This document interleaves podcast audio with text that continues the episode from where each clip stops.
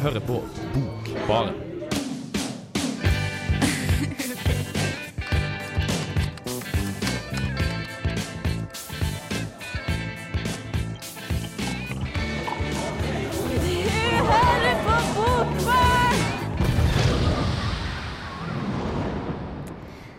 Og velkommen til semesterets andre Bokbarn-sending. Jeg heter Eline Bjerkan og er på lufta for første gang etter tre lange måneder med sommerferie. Så dere får bare tilgi en liten sånn sjanglete programledning her i kveld.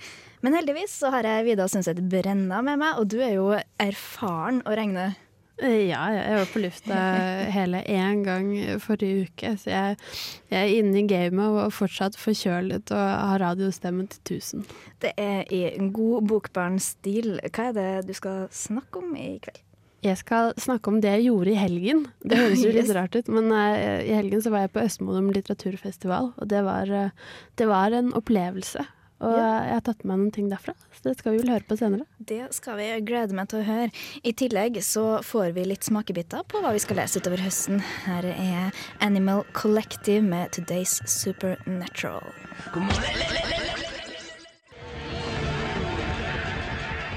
This is Alan Moore, and you're listening to The Book Bar. Animal Collective der, altså. Vida, du skal som lovt fortelle oss om hva du har gjort i helga. Jeg er veldig spent, for det her eh, høres eh, interessant ut. Ja, for i helgen så var jeg hjemme i Oslo, og så tok jeg Det var mobilen min som skrudde seg på, det var ikke meningen. Det, det er mine tekniske ferdigheter på I et nøtteskall. Contentum. Likevel. Uh, mobilen min til side. Jo, jeg var hjemme i Oslo i helgen, og, og eh, ikke i Oslo, men litt utenfor Oslo. Utover mot Drammen, i Lier. Liksom ute i skogen der. Der var det en litteraturfestival i helgen. Uh, og den, den er um, uh, den er liten og rar, og det var ikke mange mennesker der. Og så heter den Østmodum litteraturfestival. Ja. For jeg, jeg prøvde jo også å finne litt sånn info om det her, da. Og det første som kommer opp, er Drammens Tidende med at uh, Knausgård kosta seg, kosta seg, koste seg på Østmodum. Og han spiste en eh, elgburger Det skulle være eh, godt. Ja, for det er jo på en måte det er jo ikke tilfeldig at disse forfatterne kommer ut til Østmodum, da, som ligger Det var faktisk nede i et gammelt sånn grendehus, eller sånn eh, Sånn som man ser for seg at det er sånn bygdedans på lokalet. Et sånt sted var det. Eh, Det var sånn liten sånn, litt sånn rødt bygg, så litt ut som en låve. Eh, Men, men som sagt, det er ikke tilfeldig, fordi det er Tor Erik Lund, Katrine Knutsen, Astrid Nordang og Ståle Caspersen som arrangerer denne festivalen. Og Ture Erik Lund og Katrine Knutsen er jo forfattere Mm. et forfatterpar, så vidt jeg vet. Eh, og de har jo selvfølgelig eh, mange forfattervenner, og også et ønske om å formidle og lage en slags fest da, for, eh, for litteraturen, og kanskje også for vennene sine, og også for nærmiljøet. For, ja. for Turell Lund har jo faktisk skrevet en del bøker akkurat fra det området som, som eh, Østmodum litteraturfestival er i. Ah, ja, så, det er ikke tilfeldig. Nei, sånn kom Knausgård dit, da. Det var Skjønner. liksom, eh, ja. Men var det her eh, var det greit å være på? Var det, var det fint? Var det Ja, det var veldig fint. Det var jo strålende vær. Ja. Um, og så var det akkurat passe nok folk. Det var liksom intimt. Uh, så man kom uh, eksempel nære Knausgård, da. Og det Mm. var uh, det, det var jo fint, det òg. det var litt rart, men um, Nei. Men um, en annen person som du eh, kom litt nært på her, da, er jo eh, Terje Dragseth. Uh, han har skrevet en ny bok som heter Bella Blue. ja, uh, det har han. Terje Dragseth har jo på en måte uh, hatt et gjennombrudd med Bella Blue, for han har jo skrevet ganske mange bøker før. Hvor mange var det? Det var 15 bøker. 15, ja. Og alle er poesi, utenom én som heter Den amerikanske turisten. Så det her er jo en poet. Ja, sant. Han har jo liksom et enormt forfatterskap bak seg, og så slo han gjennom med Bella Blue, og så fremførte han også en del fra, fra Bella Blue helt på slutten av festivalen, da det begynte å bli liksom mørkt ute. Så dro han fram eh, gitaren sin og noen forsterkergreier, og så sto han og slo litt på gitaren. og så sang han på, eller eh, opp, leste opp på sørlandsdialekt eh, inn i en mikrofon. Det var, um, det var interessant. Jeg tror vi har med et klipp fra derfra. Ja, altså det er, virker veldig interessant det her, da. For at uh, denne her poesisamlinga er beskrevet som en sci-fi, altså science fiction-diktsamling, med naturvitenskapens kunnskap om verden. Uh, og hva man legger i det, det kan jo være litt sånn forskjellig opp til person til person, men vi skal høre om, mer om det etter Veda med Angelicas Elegy.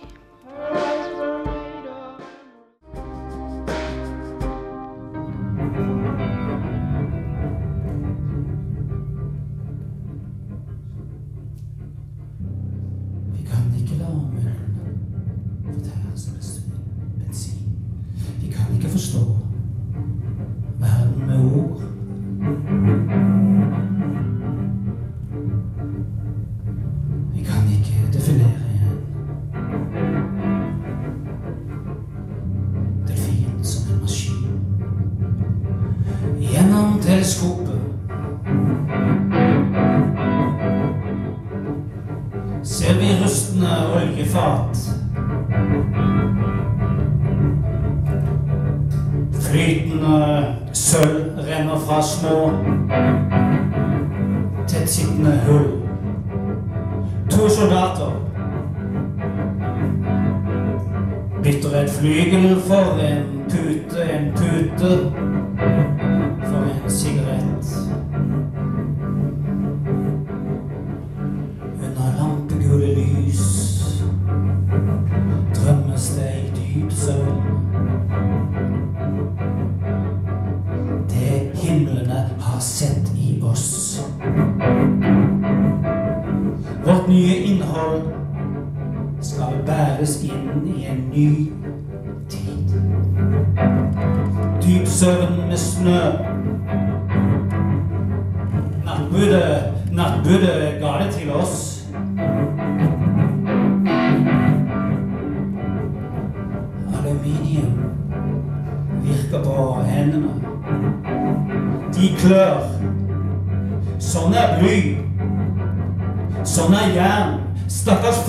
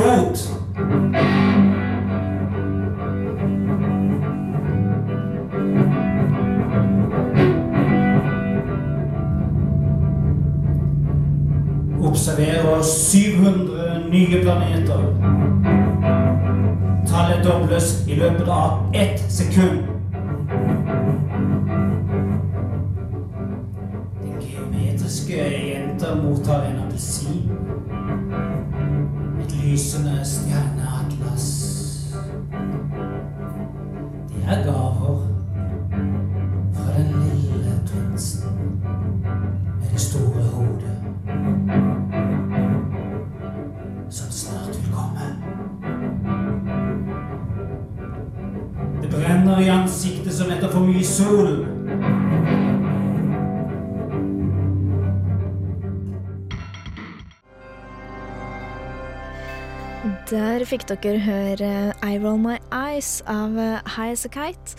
Før det så var det opplesninga av Terje Dragseth, og før det igjen så fikk dere høre Vida sin sang. Ja, Ja. Vida. Kjempefin. Han her vi snakka litt om det i stad, at han, um, Terje Dragseth han, han holdt på med science fiction-diktning. Uh, men samtidig så virker det jo ikke helt nytt og fancy for meg og Vida. Kanskje, og kanskje no mange av dere som hører på også. Nei, det, man tenker liksom på det at eh, astronauter og hele det sci-fi-opplegget med Star Trek og Star Wars Nå er jo selvfølgelig vi ikke så veldig, i hvert fall ikke jeg, det er veldig oppdatert på det nyeste av science fiction-romaner, men, men at det er, det er noe som er verdt, da. Det er, det er gammeldags. Ja, det er litt sånn altså, Og i hvert fall med det her med um, astronauter og Ja, Ja, det er lenge det siden. Det var da mamma var liten og det var heltene. Ja, virkelig. Eh, Nå har jo han her eh, Arnold øh, Hva er det han heter igjen? Uh, han, øh, han som var først på månen. Altså, uh, Lance Armstrong. Ja, han, ja. Det var, det var syklisten som ble tatt for doping. Det var ikke han. Andre Armstrong. Ja, Uh, han, han døde jo nettopp, så det kan jo være litt relevant i forhold til det. da. det er. Men uh, likevel så, så er det, det er kanskje litt for dem, dem som er litt eldre, da. Som kan ha nytte av denne diktsamlinga, eller? Ja, kanskje, eller kanskje vi tar feil. Det er jo litt trist å gi opp hele, Ja. hele turen til Mars og alt det der NASA driver med. Det, det skal ikke vi gjøre her. Vi skal ikke gi opp uh, noen ting. Vi skal derimot gå over til ei som heter Kjersti Annesdatter Skomsvold. Uh, hun har skrevet en bok som heter 'Monstermenneske', og det her ble jo fortalt litt om på festivalen, det òg. Ja, hun kom eh, og leste opp, og som det var lagt opp da, eh, utover dagen, så var det eh, en som eh, innledet om forfatteren. eh, og så kom forfatteren og leste opp. Og Ture Erik Lund eh, snakket om, om Kjersti Annesdatter Skomsvold før hun leste. Fordi han hadde vært konsulent på boken hennes i vinter. Og så snakket han pent om boken hennes, og det var pent og ærlig, liksom. Og så fulgte hun opp med, med, med å lese. Men det som var så fint da hun leste, det var at hun, hun leste, og så kommenterte hun innimellom opplesningen. Så hun, hun leverte ikke en sånn der streit i sånn her er en tekst, og den, den fremfører jeg, på en måte. Men hun, hun stoppet opp og så var hun sånn Nei, men nå må jeg bare si at eh, det, det er dette det handler om, fordi Ja. i tilfelle dere ikke skjønte det. Og det var Ja. Ja, det er jo veldig, det er veldig greit, da, tenker jeg. For at eh, ofte når du er på sånn forfatteropplesninger, så er det veldig mye det samme. Du står og leser opp side etter side etter side, sant? og gjerne tatt litt sånn ut av kontekst kanskje også. Mm, og det, det klarte hun fint. og Hun sto liksom på scenen og fremsto veldig sånn litt, litt uskyldig, nesten. Litt sånn skjør. Eh, og det er jo også det noe av bøkene hennes handler om. Eh, som hun sa, så handlet det eh, Var det en eh, anmelder som hadde sagt at eh, hun vil jo bare bli elsket, det er det hun vil. det er veldig søtt. Men hun har jo hun har også bakgrunn eh, Eller en del av hennes bakgrunn er at hun har vært uh, ME-syk. Altså hun har hatt kronisk utmattelsessyndrom i, i mange år og vært ordentlig, ordentlig dårlig. Eh, og så kommet seg ut av, av det på en eller annen måte. Og hun fortalte om at en del av det å komme ut av den sykdommen var å, å skrive en roman, og det er også det monstermennesket som kommer i oktober på Oktober forlag, eh, handler om Ja. det å komme ut av sykdommen, og, og da skriver hun som seg selv, som Kjersti. Og i det klippet som de skal føre senere, så, så hører man at hun blander det mellom å Hun blander mellom på en måte å si hun i boken og Kjersti og jeg. Så hun må bare si sånn unnskyld, unnskyld, jeg blander, fordi jeg vet ikke hva som er hva. Jeg er litt usikker. Eh, Ja, for at hun har jo gitt ut eh, debuten hennes i 2009. Den het eh, 'Jo fortere jeg går, desto mindre er jeg'. Og eh, den ble jo veldig populær og ble tildelt eh, Tarjei Vesaas debutantpris og utgitt i USA og andre land også. Um, hva, for det her Det virker jo som det det er mye sånn sykdomslyrikk, da. Kan det bli for Jeg vet ikke om du har lest noe av det, men jeg vet Kristine skal lese den senere. Eh, men, men det høres jo litt sånn dystert ut.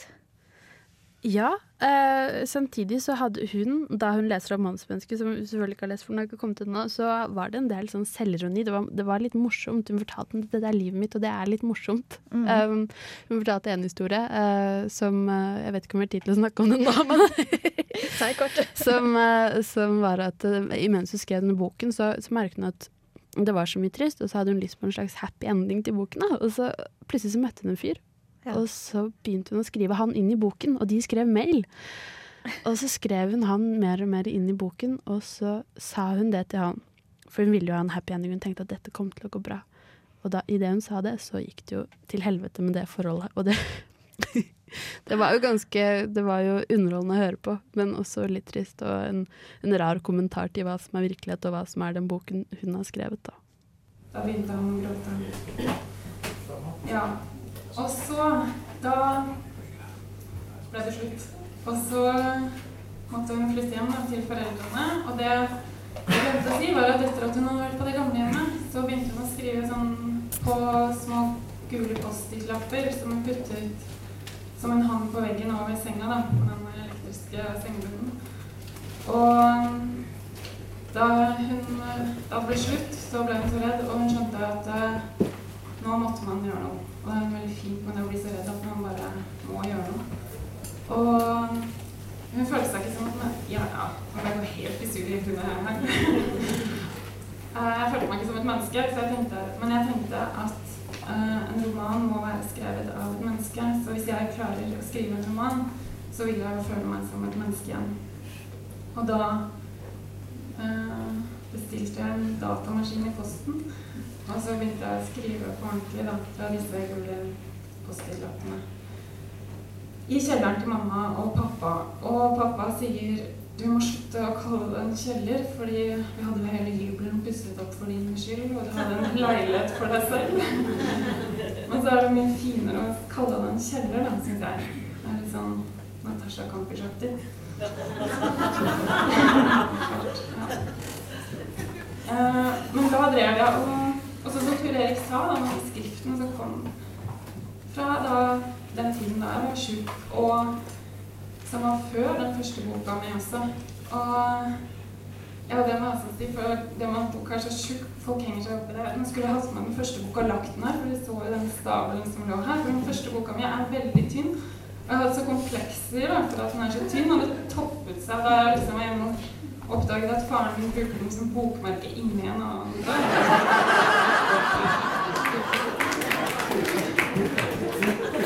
Så da ble jeg veldig sånn stolt. Eller liksom, jeg er en veldig, veldig tjukk bok, sier jeg da. Men det første Karl Ove Knausgård spør jeg hørt du har skrevet en tjukk bok. Og da ble jeg liksom, første gang ble jeg liksom stum, for det, hva skal man si når man har 3000 sider? Den er ikke så tjukk. Men jeg skulle lese litt fra kjelleren. Det er midt på natta, og jeg sover ikke. Jeg gråter av fortvilelse hver morgen. Det må være noe av det verste jeg vet. Det er som om dagen allerede for lengst har forsvunnet som en skuffelse inn i fortiden. Men jeg tar på meg ikke miste motorarmbåndet mitt og setter meg i stolen. Og mens jeg sitter sånn og fokuserer på at det er et menneske, klarer jeg med ett å skrive. Det er som om tiden forsvinner ut av rommet. Jeg er så utålmodig etter å leve. Jeg har ikke fått sove tre netter på raden. Snart kan jeg sikkert løpe. Jeg vet ikke om jeg innerst inne, etter åtte år i sakte tempo, tror at jeg vil kunne løpe igjen.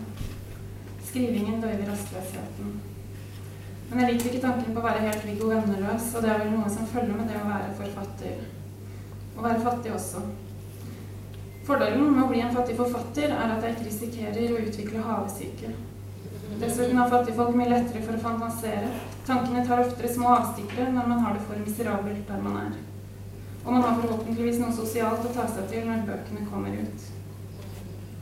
Jeg kan sende boka mi til aviser og spørre om de vil gi meg en fast spalte, en spalte hvor jeg kan skrive om livet mitt.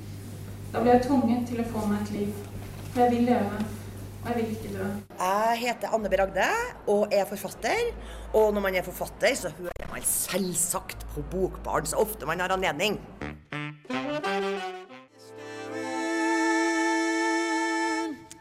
David Byrne and St. Vincent med Who Der. Vi snakka om Kjersti Annesdatter Skomsvold og det at hun på en måte skriver for å bli friskere, da. Kan man si det sånn?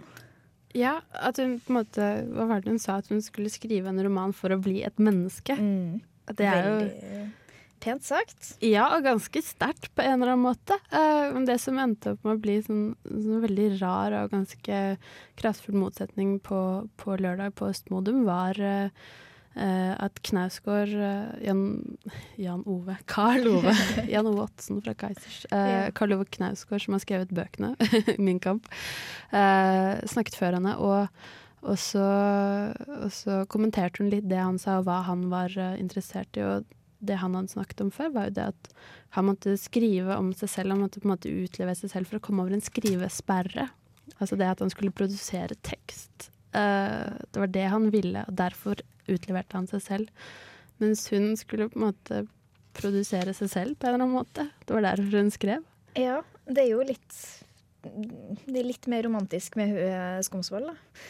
Ja, og kanskje lettere å forstå og lettere å legitimere. Ja. Jeg vet ikke hvil- hvor stor grad hun har utlevert eh, folk som er nærme, nærme seg i boken, men, men absolutt mer Kanskje mer sympatisk. Ja, for uh, vi skal jo ikke snakke for mye om Knausgård. Han er blitt uh, snakka om ganske mye annet sted. Men uh, han har jo fått kritikk da for å være litteraturverdenens svar på Se og Hør. Uh, mens hun Skomsvold hun skriver jo også om seg sjøl, på en måte, men hun, hun blir absolutt ikke kritisert på samme måte. Nei. eh, det er jo litt rart. Og Knausgård blir jo på en måte Han blir jo anerkjent også, han er jo kjempeanerkjent. Vi skal jo ikke kaste det under det en stol. Og mange liker og leser og, og koser seg med bøkene hans, og han er viktig på en eller annen måte. Men uh, Kjersti Anders status Komsvold er kanskje viktig på en annen måte. Og det, det er ikke like mange som kommer til å lese bøkene hennes, og det er jo litt synd. Men vi i Bokbarn skal i hvert fall lese. Det skal vi, så det får dere um, høre mer av utover høsten.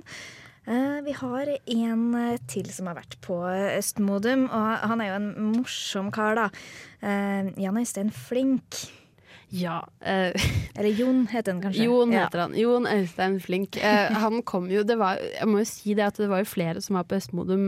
Det var eh, Oddmund Hagen og Åsne Linnestå blant annet, som var der på lørdag. Men, men Jon Øystein Flink han kom inn som et relativt friskt pust på programmet. Ja. Eh, jeg vet ikke hva jeg skal si. Det virker jo ganske eksperimentelt, da, for at eh, eh, de her uh, Det er jo dikt. Uh, det, det, det blir beskrevet som lyddikt, er det ikke det? da? Ja, Eh, for han, han, eh, han fortalte Han leste fra diktsamlingen sin 'Roger', som er lyddikt. eh, Ja. Men han fortalte om bakgrunnen for at han skrev den, og det var først på dagen så, så eh, gjorde han magi. Han viste litt tryllekunster for publikum, eh, for litteraturinteressert publikum, hvor han drev og viftet med noe tau og sa liksom abrakadabra og sånn. Eh, og så leste han lyddikt, og det var da det som hadde kommet ut av et treårig forfatterstipend fra Forfatterforeningen i Norge. Så det sånn total forakt for det etablerte, mm. men utrolig morsomt. Eh, og heldigvis så tok jeg det opp. Det skal vi høre på straks.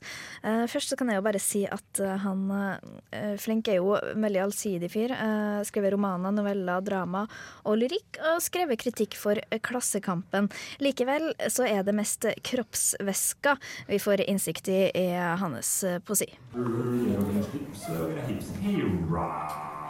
Få se på Roger. Har du Få se på, se på, få se på Har du en liten Roger?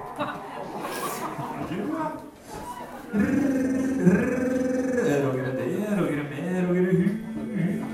Roger er det, Rogerus, Rogerus,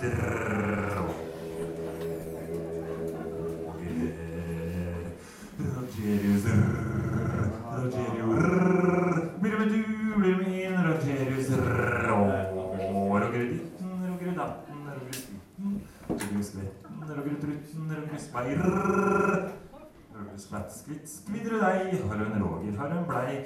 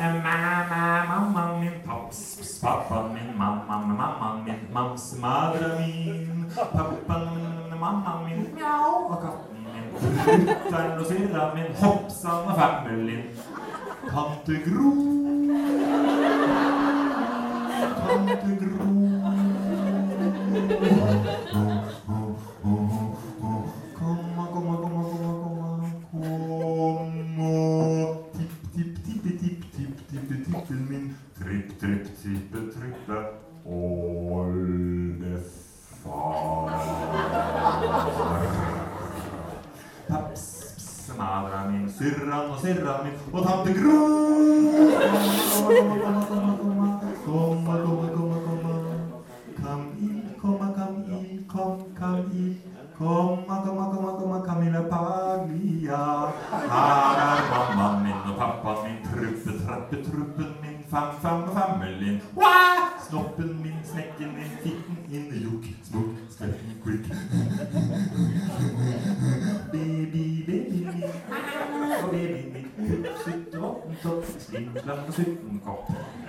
Elefanten kommer, ha-ha-ha, hi-hi-hi, elefanten kommer.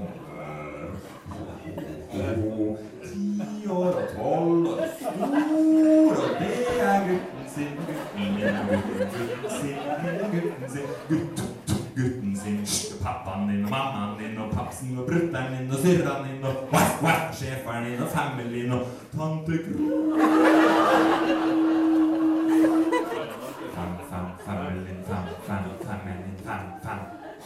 Camilla, tante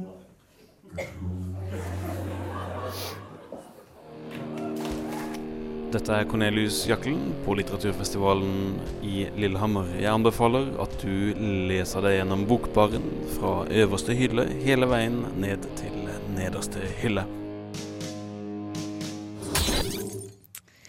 Ja, tante Gro. Jeg må bare få nevne at eh, før vi hørte den fantastiske opplesninga av um, Jon Øystein Flink, så var det Kilo Kish med låta 'Watergun' eh, som vi fikk høre. Ja, eh, hva skal vi si om det her, da? Vida? Nei, altså, som man hørte på opptaket, da, så, så er det jo Man ler jo. Jeg lo. Ja, det Ja. var mange som gjorde det. Ja, og Jonas er flink. Ser, altså, ser litt rar ut. sånn Tynn og sånn pistrete, sånn, sånn askeblondt hår. Det er, ja, nei. Det er, eh, det er morsomt. Men samtidig så kan man spørre seg om liksom, hva er dette fornuftig bruk av statens penger? Han fikk jo som sagt dette forfatterstipendet. Og hva er det for noe? Kan man bruke det til noe? Går det an å, å lese disse lyddiktene? Ja, vi har, Skal vi ikke vi ha, ha et lite eksperiment her i studio? Det er jo på en måte det som er poenget med dem, at, at øh, øh, for å gjøre et ordentlig eksperiment, så må jeg faktisk lese det inni meg. øh, og da blir du helt stille, så jeg, jeg skal ikke gjøre det. Men altså, hvis vi ser på dem, da, så er det jo Vi har boken foran oss nå, den heter Roger. Uh, og da er det liksom uh, det er ikke like morsomt da. Det er ikke like morsomt når jeg leser de høyt. Uh, skal vi se her, er det noen som har sett brillene mine her, eller? Oi, der var de, ja. Skal vi se her, jeg ser ingenting, jeg. Ingenting. Er det noe galt med disse her, eller? Eh, skal vi se, jo, jo, jo da, jo da, nei, jo da, Så er det litt sånn hysj, Nei, nei, nei. Ikke sant? Altså, Her er det en hel side med simsalabim og abrakadabra bare dratt ut. Sala, salabim, sala, salabim, bim, bim, Fi, sala. kuss, kuss, fu. Filihu. Kuss. um, Og k- k- k- k- kvadra simsaladra Ja. Drava Hokkest purkus. Men det som er med dem, da uh, det, Nå kom det sabotasje her. uh, takk, Rune, tekniker. Godt å vite at vi blir satt i pris på her Det er veldig fint. Men ja, jeg må bare få si det først. At, at, altså han, som han sa selv, og så skriver han seg inn i en slags sånn der, uh, tradisjon som knytter seg til liksom, dadaismen og fluksusbevegelsen, og noe som var viktig en gang på, på begynnelsen av 1900-tallet og fortsatte frem til på en måte 60-70-tallet. Men, men eh, jeg vet ikke hvor godt det fungerer Nei. i dag i Norge. Nei, for det er noe med det her blandinga av uh, medie, da. Og det står jo Han er jo selvfølgelig altså, inspirert av Stev og lokk og norsk litteraturhistorie og, og sånne ting, og, og det, det kan man jo se, men men uh, det å kjøpe en sånn bok og lese det for seg sjøl, du får jo ikke den samme virkninga i det hele tatt. Nei, og han er jo, de er jo klare på forlagets hjemmesider også. Det er litt morsomt at eh, man kanskje burde høre det. Sant? De, de gir ut en CD og, og alt det der. Men uh, ja, man, man mister jo teksten, da. Ja. Gjør det. Vi får uh, la det være opp til litt trist ut. Vi må være litt Ja, ja. kritisk eh, også. Um, men vi må jo nesten gå videre her, og det her er jo starten på bokhøsten. Vi har allerede snakka litt om det i forrige sending, men uh, vi kan jo breste litt hva vi skal lese, og hva dere kan få høre senere ute i semesteret. Jeg skal i hvert fall ta for meg den nye til Jan Leikvoll, som heter Bovara.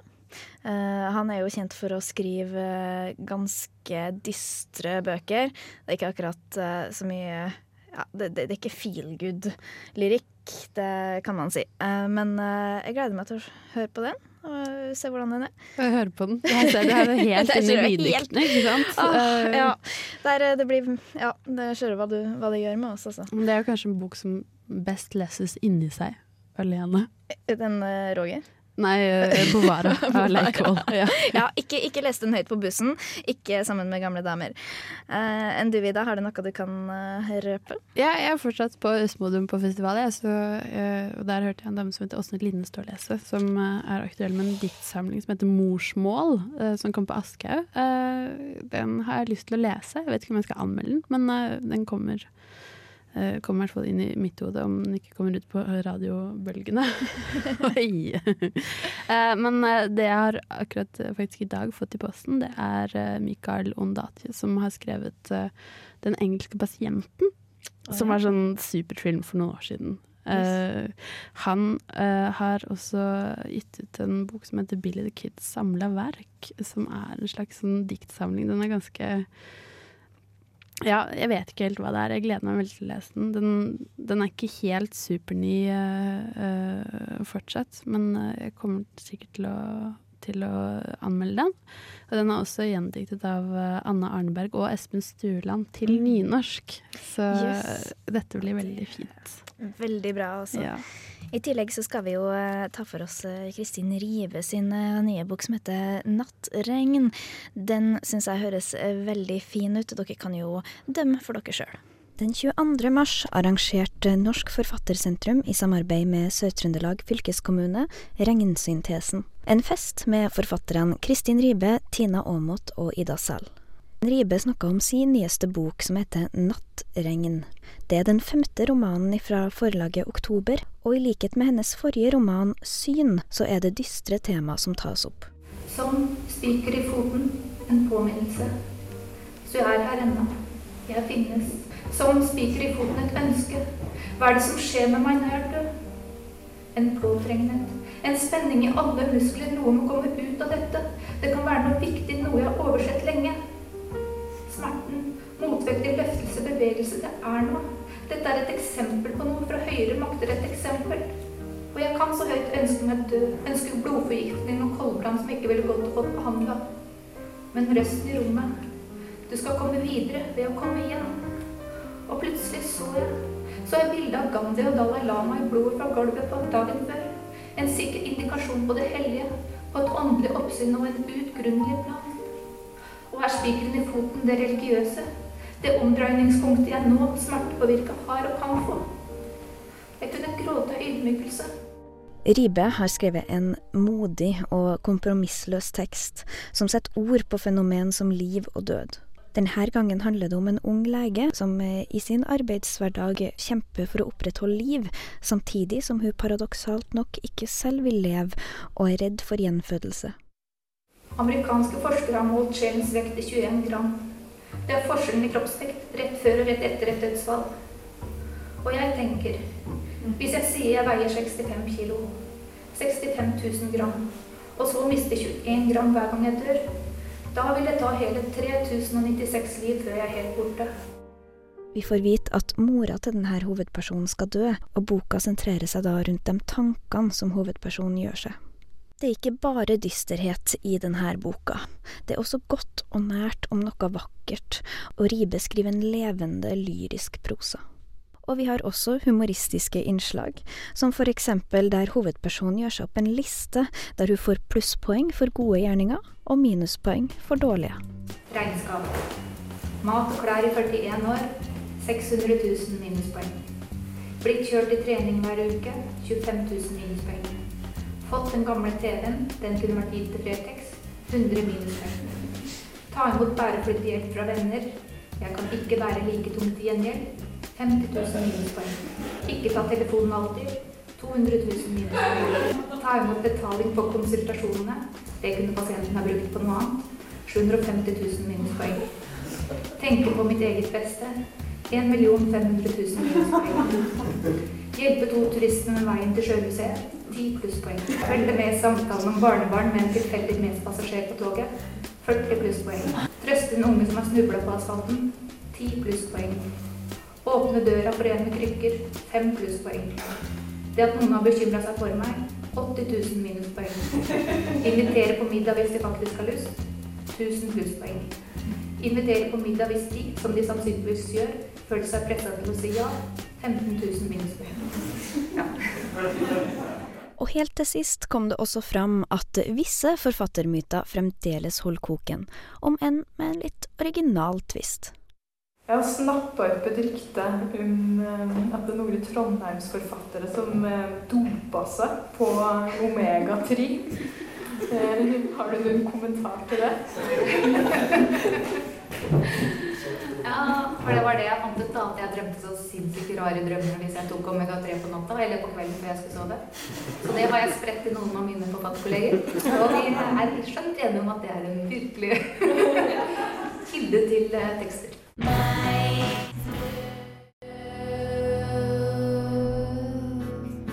Hei, hei. Eh, Dette er Vigdis Hjort. Jeg liker navnet på denne radiokanalen, Radio Revolt. Hør på magasinet Bokbarn. Det å sitte på bar og lese bok, det er ikke det verste. Før Vigdis Hjort så hørte dere US Girls med Jack. Vigdis Hjort møtte vi jo på Lillehammer litteraturfestival. Og vi skal jo straks eh, snakke om det. Ja, om ikke akkurat straks, så kanskje om Oi, guri malla. Eh, Om en uke. Om en uke, altså Ja. neste sending, da. Eh, Det skal vi. Og, og vi var jo der nesten hele festivalen, og det var helt herlig. Veldig mye bra, bra foredrag, fine opplesninger, og, og temaet for denne festivalen var jo eh, penger, var ikke det? Mm, Ja. det var det. Eh, veldig mye om den arabiske våren. eh, politisk eh, ganske innsiktsfullt, altså. Vi, fikk jo, vi har jo annet hørt Cornelius Jakkelen tidligere her. Han møtte vi jo på Lillehammer litteraturfestival. Ikledd medal medaljer og slangeskinnsstøvletter med gulltupp. Ja, for en veldig vanskelig seanse litt sent på kvelden hvor, hvor publikum drakk mye øl, og han skulle snakke om, om tema som på en måte ikke alltid er lett å, å snakke Nei, løst om, blant annet 22. juli og, og, og selvmord og det var kanskje ikke Ja, det, det, var, det var en utfordring. Det kan vi kanskje være enige om. Eh, men det, vi skal jo, altså det var mye annet der også. Vi har illustratøren Sean Tan, som er veldig flink. Og så du snakka med David Vann, Vida? Ja, eh, vi tok eh, opptak av en samtale mellom han og Dagbladets Fredrik Vandrup, hvis jeg ikke husker feil. Mm Eh, eh, det, det var mye, mye nytt å lære fra det han sa. Eh, vi fikk også en jingle fra han. Ja. han sier 'Radio Revolt Bookbarn'. Kjempefint. Altså. Veldig bra. Eh, videre så var jo Kristoffer Juel Larsen der. Han, er, har vært, eh, han har jobbet på NTNU Dragvoll og vært stipendiat der. Han snakka om lyden av litterær autoritet, da, om kritikerens rolle når han eller hun skal anmelde en bok, og spesielt da på radio. Det er jo veldig aktuelt for oss. Ja, kanskje vi lærer noe av det. Kanskje vi kan gi noe av det til lytteren nå. Ja, det, vi kan jo bare håpe. det var mye annet der. Var bok og barokk. Det skal du, Vida, fortelle Ja, om. eh, Med Ole. Robert Sunde. Ja, Mhm. Kjempefint. Tusen takk for at du var med meg her i studio i kveld. Ja, Takk for at jeg fikk være med, Line. Takk til tekniker Rune Stana. Jeg heter Line Bjerkan, og vi ses om ei uke.